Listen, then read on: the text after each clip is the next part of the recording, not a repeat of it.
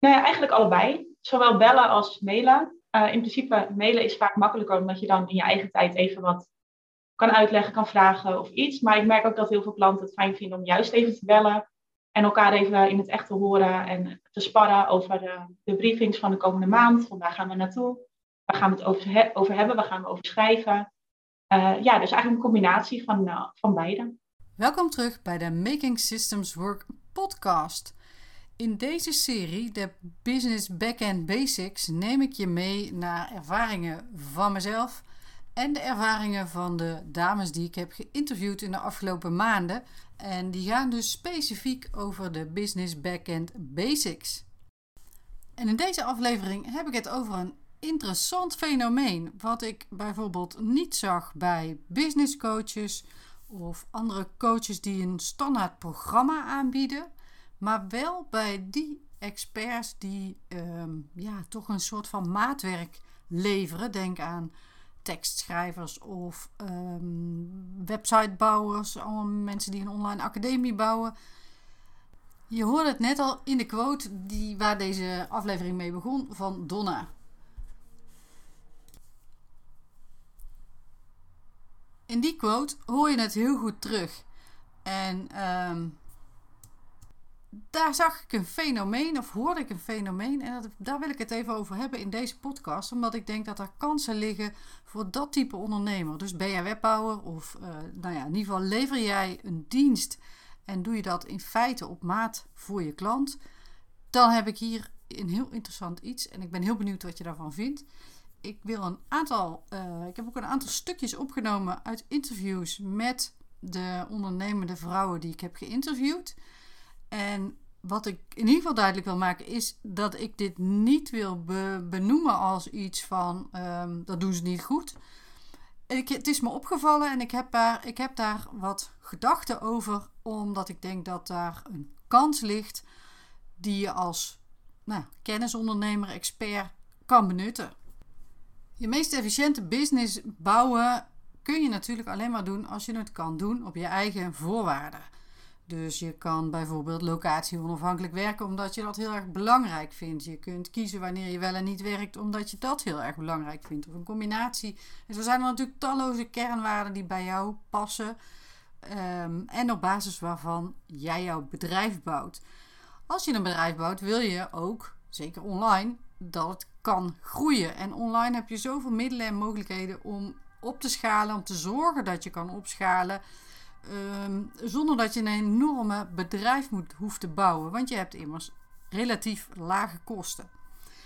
Nou zei ik al, uh, experts die een dienst aanbieden die toch wel maatwerk is, binnen bepaalde grenzen. Want een websitebouwer kan natuurlijk zeggen: ik heb een pakket wat uh, inhoudt dat jij een website krijgt in die en die omgeving, op die manier ingericht met zoveel pagina's.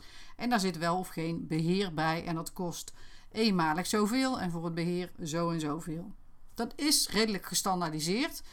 Uh, maar daarbinnen zitten natuurlijk een heleboel vrijheidsgraden. Want elke klant heeft natuurlijk een ander bedrijf. Elke klant heeft andere interesses, uh, huisstijl, nou, noem maar op. Ik laat je heel even horen hoe uh, Jessie benoemde dat zij met haar klanten werkt. Want ze moet natuurlijk heel veel input krijgen van die klanten om te zorgen dat die website ook opgeleverd kan worden. Als ik een website laat bouwen, dan moet ik vertellen wat moet er nou op de homepage komen te staan inhoudelijk. Of ik moet in ieder geval zorgen dat er een tekstschrijver mee aan de slag kan. Kortom, ik moet input leveren. En dit is hoe Jessie dat in haar business regelt. Um, dus dan, uh, dan gebruik ik het liefst Trello. Um, niet iedereen kan daarmee overweg. En dan, dan, blijft, dan blijft het helaas wel gewoon bij heen en weer mailen. Um, helaas, ja. zeg je. Hela ja, helaas. Want dat werkt voor mij, voor mij minder efficiënt. Uh, maar goed, ja, als ik eerst iemand moet leren omgaan met Trello, die eigenlijk er een weerstand tegen heeft, dan kost me dat nog meer tijd. In feite bepaalt dus haar klant of er wel of niet, in dit geval met Trello, gewerkt wordt. En zij heeft geen zin om ehm, ik weet niet de exacte formulering, maar laten we zeggen iemand die, eh, die geen zin heeft om daarvan, om die te overtuigen van het nut van het werken in Trello. Waar zij volgens mij kansen laat liggen, is dat het feit dat iemand bij haar klant is of wordt, betekent dat die waarschijnlijk vaker terugkomt. Want ik denk aan een website. Nou, na zoveel tijd moet daar misschien iets extra's aan toegevoegd worden. Een klant groeit, krijgt extra producten, krijgt een nieuwe huisstijl, ehm, een groter team.